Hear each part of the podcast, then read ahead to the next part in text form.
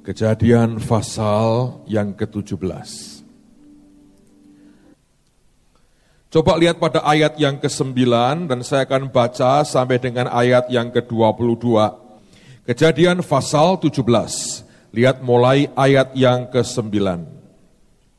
Dan firman Allah kepada Abraham, dari pihakmu engkau harus memegang perjanjianku, engkau dan keturunanmu turun-temurun. Inilah perjanjianku yang harus kamu pegang. Perjanjian antara aku dan kamu serta keturunanmu, yaitu setiap laki-laki di antara kamu harus disunat. Haruslah dikerat kulit katanmu dan itulah akan menjadi tanda perjanjian antara aku dan kamu Anak yang berumur delapan hari haruslah disunat, yakni setiap laki-laki di antara kamu. Turun-temurun baik yang lahir di rumahmu maupun yang dibeli dengan uang dari salah seorang asing tetapi tidak termasuk keturunanmu. 13. Orang yang lahir di rumahmu dan orang yang engkau beli dengan uang harus disunat. Maka dalam dagingmu lah perjanjianku itu menjadi perjanjian yang kekal. Anda garis bawahi kalimat yang Tuhan katakan, yang berkata, maka dalam dagingmu lah perjanjianku itu menjadi perjanjian yang kekal. Dan orang yang tidak disunat, yakni laki-laki yang tidak dikerat kulit katanya, maka orang itu harus dilenyapkan dari antara orang-orang sebangsanya. Ia telah mengingkari perjanjianku. Selanjutnya Allah berfirman kepada Abraham, Tentang istrimu Sarai, janganlah engkau menyebut dia lagi Sarai, tetapi Sarah itulah namanya. Aku akan memberkatinya dan daripadanya juga aku akan memberikan kepadamu seorang anak laki-laki Bahkan aku akan memberkatinya sehingga ia menjadi ibu bangsa-bangsa. Raja-raja bangsa-bangsa akan lahir daripadanya. Lalu tertunduklah Abraham dan tertawa serta berkata dalam hatinya, Mungkinkah bagi seorang yang berumur seratus tahun dilahirkan seorang anak? Dan mungkinkah Sarah yang telah berumur 90 tahun itu melahirkan seorang anak? Dan Abraham berkata kepada Allah, "Ah, sekiranya Ismail diperkenankan hidup di hadapanmu."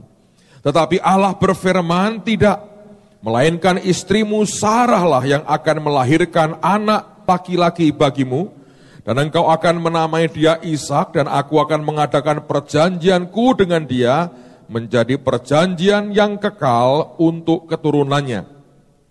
Tentang Ismail aku telah mendengarkan permintaanmu. Ia akan ku berkati, ku buat beranak cucu dan sangat banyak. Ia akan memperanakkan dua belas raja dan aku akan membuatnya menjadi bangsa yang besar. Tetapi perjanjianku akan kuadakan dengan Ishak yang akan dilahirkan Sarah bagimu tahun yang akan datang pada waktu seperti ini juga. Setelah selesai berfirman kepada Abraham, naiklah Allah meninggalkan Abraham. Ada beberapa poin penting yang Tuhan taruh di hati yang saya ingin bagikan buat saudara. Menarik sekali pada waktu itulah Tuhan bicara kepada orang yang berusia 99 tahun dan Tuhan memerintahkan dia dan keluarganya dan orang-orang di dalam kemahnya untuk disunat.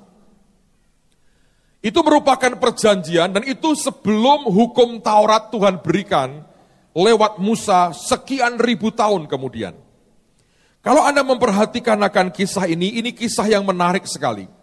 Tapi ada sebuah korelasi antara apa yang dikerat dengan yang namanya perjanjian Tuhan. Di ayat yang ke 13 tadi, Tuhan berkata, orang yang lahir di rumahmu dan orang yang engkau beli dengan uang harus disunat. Sunat di sini artinya sunat secara daging. Kulit katannya itu harus dikerat, kata Alkitab. Maka perhatikan, dalam daging mulah perjanjianku itu menjadi perjanjian yang kekal. Saudara sekalian, kalau daging kita dikerat, dan kemudian itu merupakan apa yang Tuhan mau, maka dalam daging kitalah hidup perjanjian Tuhan yang kekal. Ketika Alkitab berkata soal sunat hati, kita mengerti bahwa kekekalan Tuhan berikan di dalam hati kita. Karena hati kita disunat, maka manusia roh kita mengalami yang namanya lahir baru. Nah waktu kita lahir baru itulah, kita terima perjanjian kekal dengan Tuhan. Perjanjian bahwa ketika kita nanti mati, Tuhan berikan sorga buat kita dan hidup kekal buat anak-anaknya. Paulus pernah berkata ketika dia menghadapi begitu banyak aniaya, tubuhnya cacat, banyak lukanya. Dia berkata, dalam tubuhku ini ada banyak tanda yang mengatakan bahwa aku ini adalah milik Kristus. Nah itu apa pun sebetulnya yang dikorbankan, yang dikerat, yang disunat istilahnya, maka di dalamnya akan ada suatu perjanjian Tuhan yang luar biasa. Sekarang Anda mengerti mengapa kita terima perjamuan seperti ini. Yesus bukan sekedar disunat, walaupun secara daging iya, karena dia orang Yahudi. Dia bukan hanya dikerat kulit katanya, tapi dia hancur tubuhnya, dipecahkan dan darahnya ditumpahkan. Yang ajaib adalah dia berkata, makanlah dan minumlah. Dengan kita terima tubuh dan darah Tuhan, maka dengan iman kita terima, roh kita tetap diteguhkan perjanjian antara kita dengan Tuhan. Tapi daging kita bagaimanapun kena akibatnya.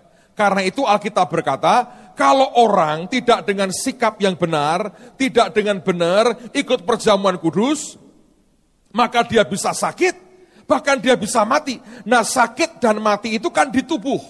Kenapa begitu? Karena pengorbanan yang dia berikan membuat sebuah perjanjian ikatan dengan daging kita. Nah kalau daging kita tidak merespon dan tidak menghargai tubuh Tuhan, maka daging kita akan kena. Karena itu bagian dari perjanjian. Ketika saya merenungkan ayat ini Tuhan juga berkata, maka hal yang sama dengan keuanganmu. Kalau setiap orang, banyak orang berkata begini, Pak saya nggak perpuluhan. Terus ya pokoknya saya orang yang merdeka saja. Biasanya itu orang yang sudah punya uang cukup. Kalau kita lagi mepet, kecepit itu semua orang perpuluhan sebetulnya. Sudah longgar ya kita berkata, saya nggak butuh lagi. Anda tahu kenapa? Masalahnya di mana? Begitu engkau melepaskan itu, sebetulnya perpuluhan itu kan seperti di, di, di sunat. Anda dapat 10, Anda cuma terima 9. Yang satu engkau berikan kembalikan ke Tuhan. Dia berkata, itu milikku. Waktu Anda lakukan itu, maka seperti orang disunat. Maka di dalam keuangan mula berlaku perjanjian antara engkau dengan Tuhan. Dan akhir zaman ini saya yakin Tuhan itu tidak Tuhan yang cerewet, yang teriak-teriak, eh ngasih kembalikan, ya kembalikan. No, no, no, no, no. Dia hanya berkata begini, lakukan dalam kedewasaanmu, apa yang engkau lakukan ada konsekuensinya, ada akibatnya. Dan tiba-tiba Anda akan melihat di dalam keuangan saudara, tiba-tiba tidak ada Tuhan di situ. Kenapa? Karena memang tidak ada perjanjian apa pun antara engkau dengan Tuhan. Kalau daging kita yang disunat, di daging kita ada perjanjian kekal. Dan sekarang oleh perjanjian baru kita berkata hati disunat. Hati disunat, roh kita mengalami kelahiran baru. Kemudian kita terima tubuh dan darah Kristus. Itu mewakili daging yang disunat dan juga roh yang sama juga mengalami akan hal yang sama. Tapi dalam hal keuangan sebetulnya juga sama. Orang yang berkata, saya nggak perlu itu, Anda mau berkata, saya nggak perlu buat perjanjian apa pun dengan Tuhan. Dan Tuhan berkata, fine, itu kan engkau yang putuskan. Selama engkau berkata, ini bukan aku tidak akan, oh aku tidak akan. Nantilah sewaktu-waktu aku tergerak, aku memberi. Tapi yang perpuluhan, buat apa? Edan po 10% kayak no gereja. Anda tahu mohon begitu? Anda tahu bukan diberikan ke gereja. Dalam nama Tuhan Yesus, Anda sedang mengubah firman.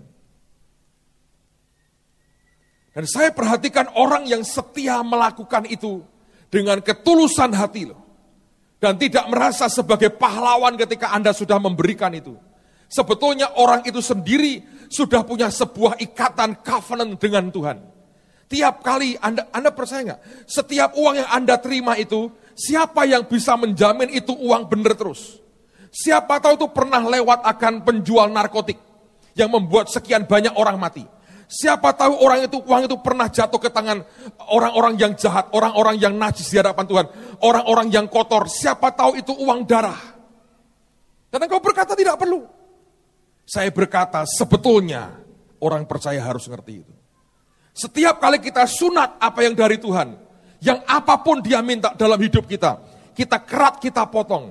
Itu sanctified, menguduskan sebetulnya. Apa pun yang ada pada kita. Yang berkata, Tuhan ini aku kerat. Dengan demikian ini uang semua berkat dikuduskan Tuhan. Tidak membawa celaka, tidak ada kutuk yang nempel di dalamnya. Dan itu kita berkata tidak. Dan Tuhan tidak akan pernah memaksa. Dia Tuhan yang mau berkata, ini kebenaran. Kalau engkau mau terima, terimalah. Yang yang bagus kalau Tuhan cerewet dengan kita dan gebrak kita, itu cinta banget. Tapi kalau Anda dibiarkan Tuhan, jangan pernah berkata, bukti ini aku dinengke kok. Hanya tunggu masalah waktu.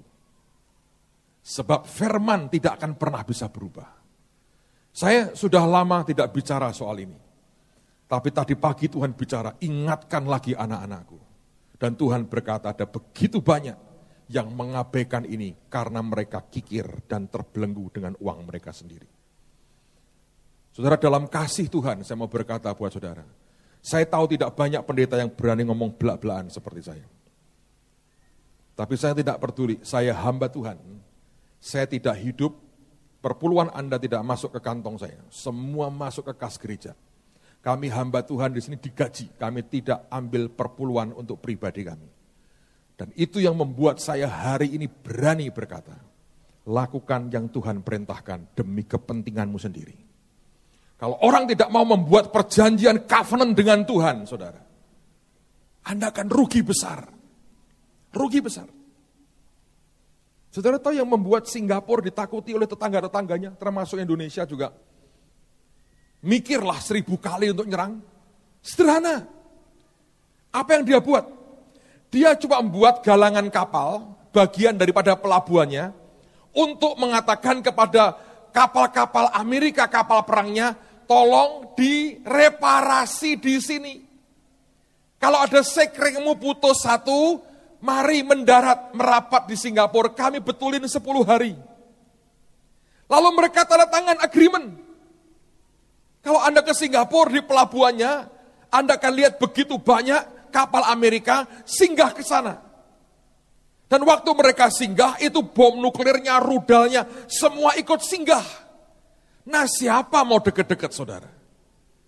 Itu pulau kecil. Tapi mereka tahu bagaimana mereka harus punya covenant dengan siapa. Bisa nangkep nggak? Orang dunia itu pun ngerti. Saya gandengan dengan siapa, orang akan berkata, ups, herder, bulldog. Kalau kiri, ah, tendang saudara. Nah kalau kita punya covenant dengan Tuhan, bayangkan. Ya, bukan hanya soal uang loh. Segalanya. Nanti ketika engkau terima tubuh dan darah Kristus, engkau berkata, Tuhan, ini perjanjian loh. Ketika dia disuruh, Abraham disuruh mengerat kulit katanya, dalam dagingmu lah. Dalam dagingmu. Karena dagingmu dikerat dalam dagingmu. Dan berapa banyak orang yang terikat dengan hal ini dan tidak bisa lepas. Saya saya cukup lama dalam pelayanan. Saya melihat orang di mana-mana. Saya nggak tahu kekikiran itu bisa menguasai ketakutan untuk kekurangan itu bisa menguasai. Padahal kalau orang buat perjanjian dengan Tuhan, yang pertama semua yang masuk di hidupmu dikuduskan Tuhan. Dan yang kedua sebetulnya Anda buat perjanjian dengan Tuhan. Maliaki 3.10 itu saudara. Bukan cuma ayat untuk nakut-nakuti atau mengiming-imingi Anda. Tidak sebetulnya. Itu lebih dari itu. Covenant antara Anda dengan Tuhan. antara saya dengan Tuhan. Beberapa orang saya tahu diminta Tuhan lebih dari perpuluhan. Ada diminta korban begitu banyak. Itu sebuah anugerah yang langka. Tidak banyak orang diberi kesempatan seperti itu. Tapi saya mau katakan hari ini demi kasih Tuhan. Bereskan apa yang harus Anda bereskan. Karena itu akan membuat blessing Tuhan akan turun kuat dalam hidupmu. Kalau kau berkata, enggak, gue nggak percaya. Satu orang pernah dengan bangga berkata, saya ini loh nggak pernah ngasih perpuluhan, saya nggak pernah berkati, nggak sampai setahun, nangis, habis semua. Saya sudah lihat orang naik sekejap dan orang turun sekejap. Saya sudah lihat saudara.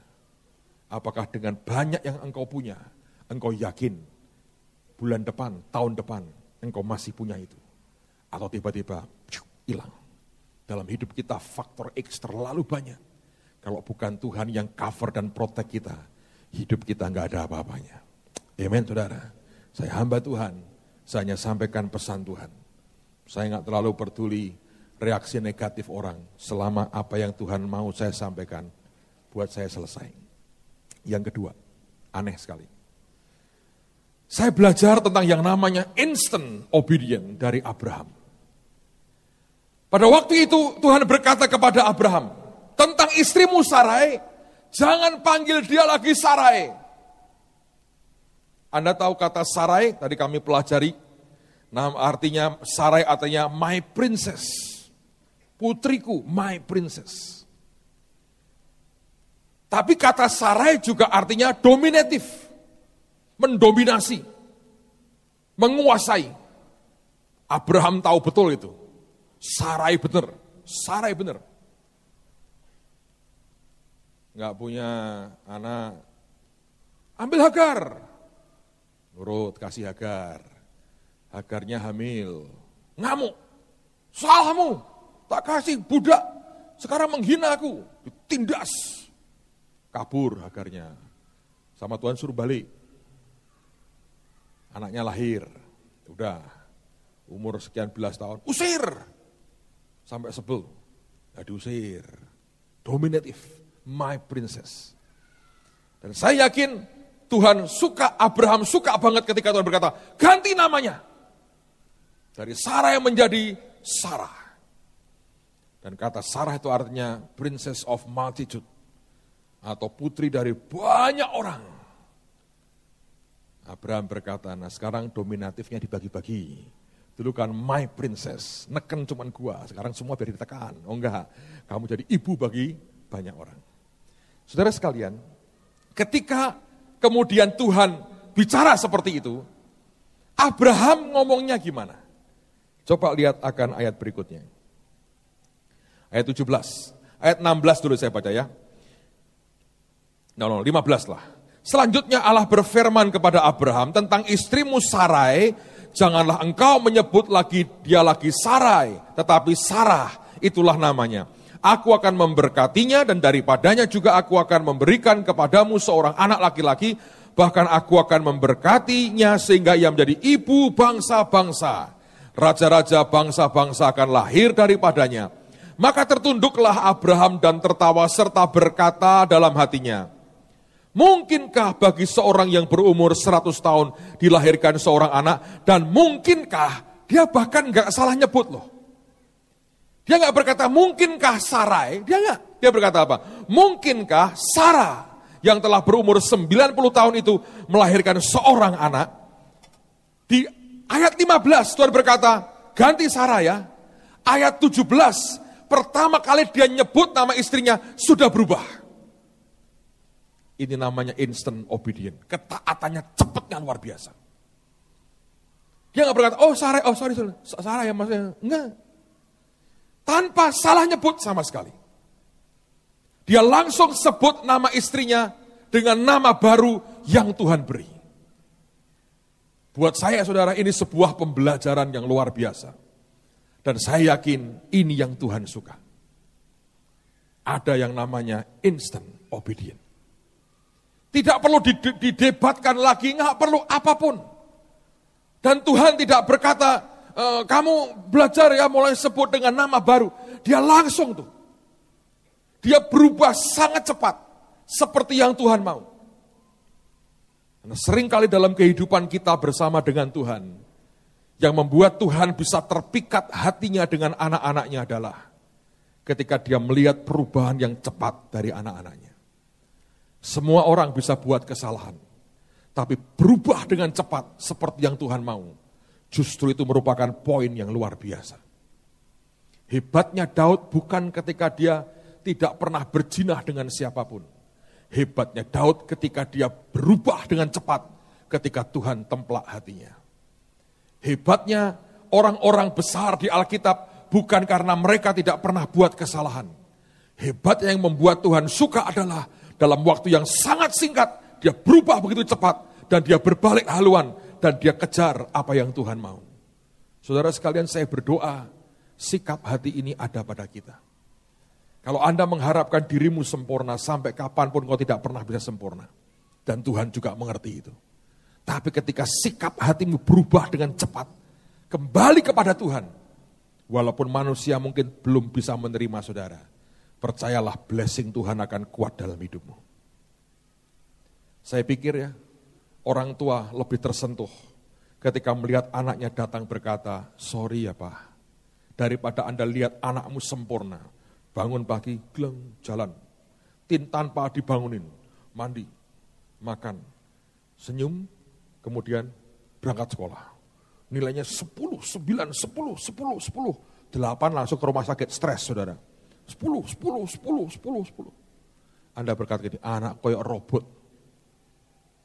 Anda bisa bangga, Anda suka, karena Anda tidak usah ngurusi, hebat sekali. Pakaian rapi. Kena coklat sedikit, buang, ganti baru, harus rapi, putih. Atau Anda mau dengar,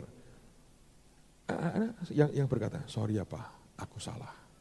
Begitu Anda dengar perkataan itu, Anda dengar sebuah kedewasaan. Anda dengar sebuah pertobatan, Anda lihat sebuah perubahan hati. Tuhan itu ngerti kok saudara. Anda itu seperti apa. Dia pernah hidup di dunia loh. Cukup lama untuk dia mengerti semua kesulitan, tantangan, kegilaan manusia. Dia cukup mengerti. Dan dia tidak pernah berkata begini. Kamu tidak boleh salah ya, salah gua hajar, salah gua hajar. No. Tapi begitu ada perubahan yang cepat, Ketika Tuhan mulai bicara dengan hati kita, templak batin kita, dan kita berubah dengan cepat. Dia berkata, itu anakku, itu anakku. Yang membuat hatinya besar, yang membuat hatinya berkata, aku suka, adalah sebuah pertobatan. Cerita dua orang anak yang sulung tidak pernah, dia berkata, tidak pernah aku melanggar perintah Bapak. Tidak pernah membuat hati bapaknya sangat terkesan dengan yang sulung. Baca di Alkitab. Bertahun-tahun aku melayani tidak pernah aku melanggar perintah Bapak. Baca itu. Tapi itu tidak pernah membuat bapaknya pesta. Tidak pernah bapaknya berkata, nak karena engkau tidak pernah melanggar, mari dugem sejak hari ini. Nggak pernah itu. Bapaknya tiap hari cuma tengok-tengok di luar, nunggu satu anaknya kembali. Begitu itu anak balik saudara, cukup Anak itu sebetulnya mau buat pengakuan panjang, dipotong di tengah jalan. Tidak usah diomongin. Dia bilang, ganti, enggak, oke. Buka pantatnya, rotan dulu. Nah, pesta. Istilah gini, eh, cak sih, cak sih, cak. Nah, bayangin saudara, itu bapakmu di surga itu begitu. Makanya banyak orang Kristen gendut-gendut tuh kayak begitu kira-kira, cak dulu, cak dulu.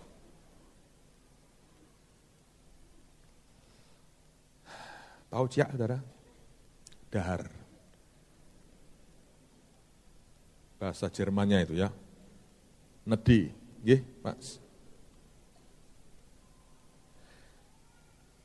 Abraham begitu dengar ganti dari Sarah jadi Sarah.